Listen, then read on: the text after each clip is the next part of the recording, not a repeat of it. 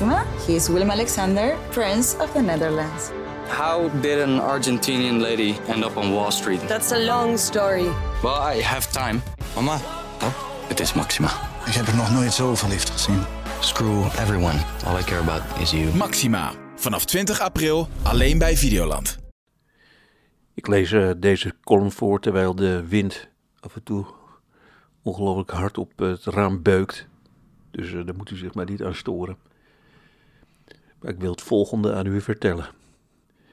Nu André Hazes junior op Instagram een novelle heeft geschreven over de definitieve breuk met zijn geliefde, kreeg ik ook opeens zin in het afleggen van een verklaring. Want waarom is dat alleen voorbehouden aan figuren als Gordon, Marco Borsato en de zoon van Dries Roelvink? Als morgen iemand ergens in Gelderland zegt dat Gordon twee kunstknieën heeft, dan staat er een uur later een ronkend stuk op zijn Facebookpagina. Ik ben trots op mijn eigen knieën. Ik heb een heel leven lang keihard gevochten voor deze knieën. Waarom zou een homoseksueel geen echte knieën mogen hebben? Stik er maar in daar in dat boerengat. De kloof tussen bekende Nederlanders en Nederlanders die verder niemand kent, wordt te groot. Ik wil rode rieners op de bank bij Linda de Mol. Linda naast een man in een trainingspak. Nat haar tot op zijn rug. De eerste vraag van Linda, rode rieners, als ik je zo mag noemen. Jij kwam drie dagen geleden thuis en je ziet een paar vreemde schoenen in je halletje staan. En toen? Het is vooral de vanzelfsprekendheid die mij stoort. Blijkbaar is dat, na jaren kritiekloos gejuich, zo in het hoofd van de jonge hazes gaan zitten.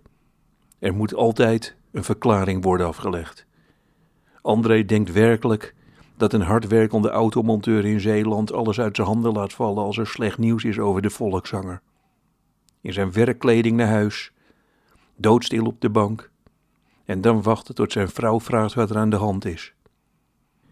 In de prachtige film Zij gelooft in mij van John Appel zie je waar Hazes aan is overleden. Bewondering. Nooit is iemand die hem op zijn flikker gaf. Als er maar één iemand ooit tegen de oude Hazes had durven zeggen: Het boet niemand een moerdree wat jij allemaal uitspookt met Rachel. Ga je niet een beetje te veel jezelf geloven, jongen?